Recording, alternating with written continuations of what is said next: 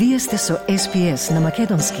Слушнете повеќе прилози на sps.com.au козацрта на Седонин.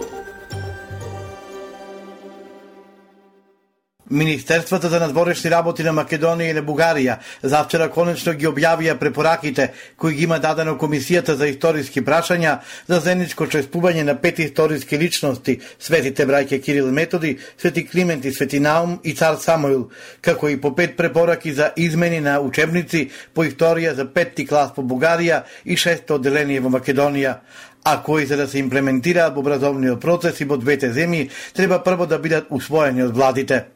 Имплементирањето на препораките е предвидено да биде на реципрочна основа. Ден потоа стигна и острите реакции од дел од македонските историчари и експерти.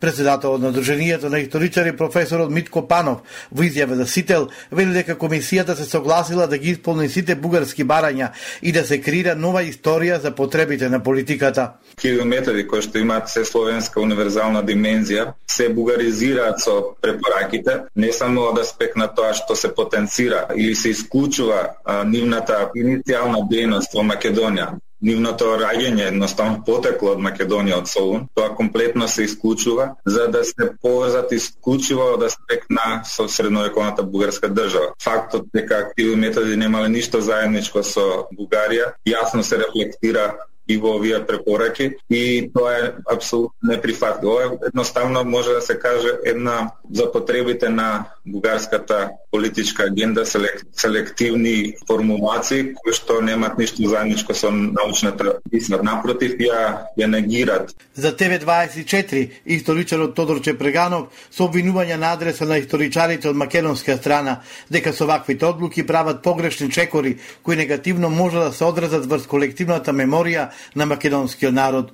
Со сличен став е и академик Катица Чулавкова, која на Фейсбук напиша дека со овие одлуки се доведува во прашање македонскиот идентитет. Цитирам, Нема никаква причина да се излегува со билатерални македонски и бугарски препораки за значењето на светите Кирил и Методи, кога е ноторен факт дека тие се се словенски просветители. Освен тоа, веќе постои научен кодекс за нивната улога во словенскиот и во европскиот свет и никој нема право да ги приспојува, не баре се работи за приватен имот. Светите Климент и Наум, исто така како средновековни културни и црковни вредности од особено значење за македонската култура и народ, не може да се представуваат како туѓа традиција и собственост. Универзитетскиот професор Тони Десковски пак оценува дека со овие препораки е направен добар исчекор, наведувајки, цитирам, Усвојувањето на првата група на заклучоци и препораки на заедничката историска комисија е добар исчекор напред. Во документот има две групи на препораки, првата за заедничко одбележување на личности, вторите препораки за учебниците по историја во двете земји. Текстот е внимателно составен и добро балансиран, вели професорот Десковски. А професорот од Институтот за македонска литература Илија Велев со силна реакција за како што вели ревизијата која им се спрема на македонските учебници. Усогласените препораки за цар Самуил во научна и во академска смисла одат во прилог само да се експонира аргументот дека во поголем дел од историографијата Самойловото царство се сметало како бугарско, вели Велев. Нема никаква победа на бугарската историографија во препораките на Комисијата за историски прашања. Ова е ставот на историчарот Александар Литовски, објавен на Телма, кој вели дека ако внимателно се читаат препораките, се гледа дека со нив целосно се заштитени позициите на македонската историографија.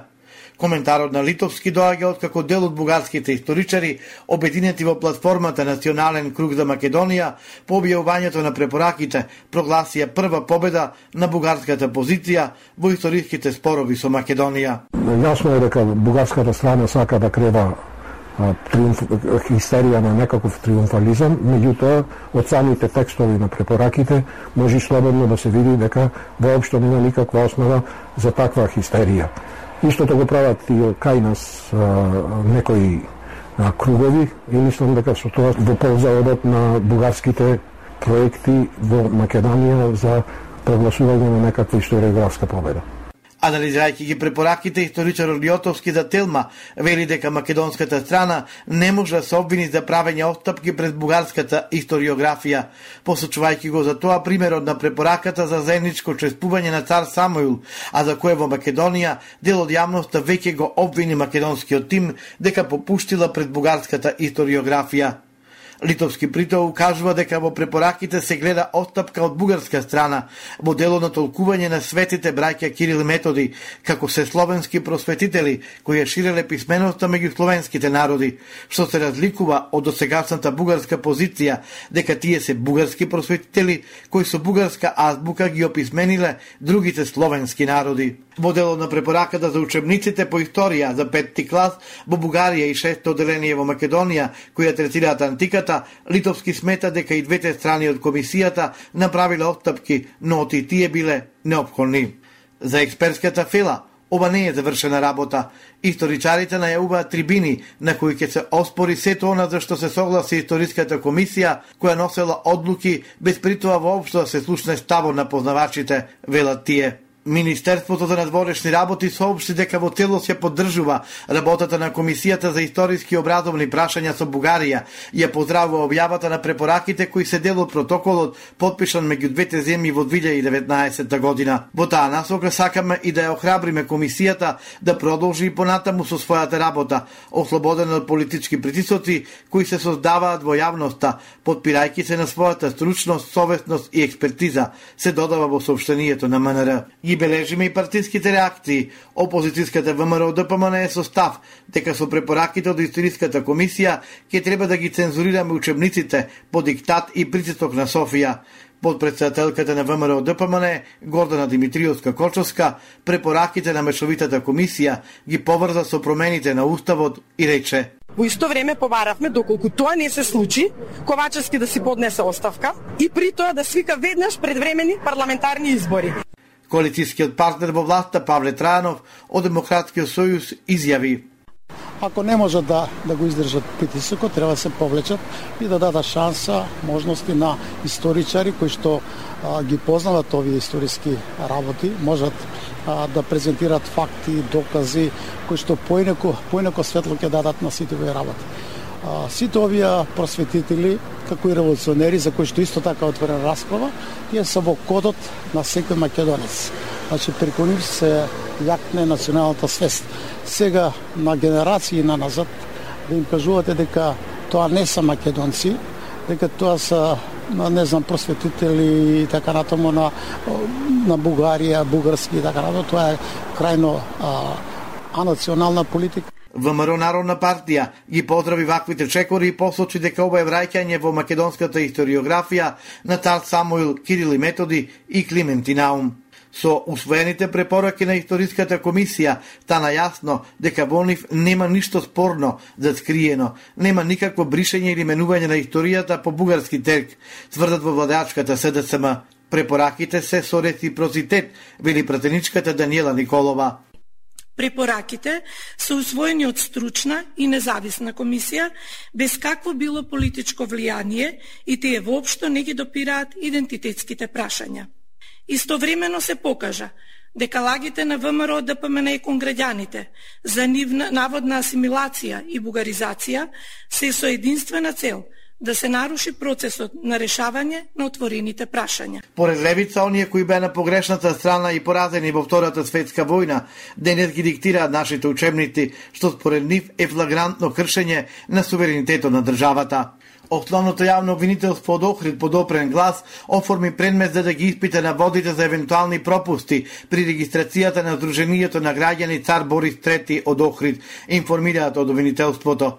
Издадена е наредба до Централниот регистар за обезбедување на целокупната документација поврзана со регистрацијата на наведеното Сдружение. Суспендирана е шефицата на јавното обвинителство за гонење организиран криминал и корупција Вилма Русковска. Таа за МТБ потврди дека го добила решението, но ти засега не сака да коментира. За две нејзини колешки, Ивана Трајчева и Елизабета Јосифовска, поведена е дисциплинска постапка. Сега Русковска во рок од 8 дена од приемо на решението за дисциплинска повреда може да се жали до Советот на јавните обвинители. Русковска, која беше суспендирана, се уште не постапила по наредбата на републичкиот јавен обвинител Љубомир Јовески, која задолжи да ги утврди околностите околу организирањето на претресот во управата за финансиска полиција. Ова за фокус го потврдува обвинителот Јовески. Арафат Муареми повеќе нема да биде начело на финансиската полиција. Тој најави дека се повлекува од функцијата со цел да нема сомнежи во јавноста дека врши притисоци врз обвинителите. Муареми информира дека по своја собствена волја се повлекува од функцијата веде директор на управата за финансиска полиција, имајќи ја предвид одлуката на јавниот обвинител Љубомир Јовески да поведе постапка за утврдување дисциплинска одговорност за сите три јавни обвинителки и да ја суспендира Вилма Русковска од функцијата основен јавен обвинител на основното јавно обвинителство за гонење на организиран криминал и корупција поради незаконито постапување и злоупотреба на службената положба и областување. Владата донесе мерки за заштита да на струја до 15%. За домакинствата и компаниите се предвидени препораки, а за државните институции конкретни задолженија кои мора да се испочитуваат, зашто во спротивно ќе следуваат санкции. Како што соопшти министерот за економија Крешник Бектеши, мерките ќе стапат во сила од 1 септември, а ќе важат до 31 март 2023 година. Силното невреме со вртлок, торнадо, кој вчера му се случи на Неготино, предвика тешки последици. Траело само 20 на минути, било со огромна јачина и со себе носело делови од кромни конструкции, дрвја бандери, со ниско напонски дел и жици. Уништени и однесени биле лимени и пластични конструкции. Без покрив останале неколку куќи во населбата Саат Кула и на други локации во градот, неколку и во селото Тимјаник. Сакате ли да чуете повеќе прилози како овој? Слушате подкаст преку Apple Podcasts, Google Podcasts, Spotify или од каде и да ги добивате вашите подкасти.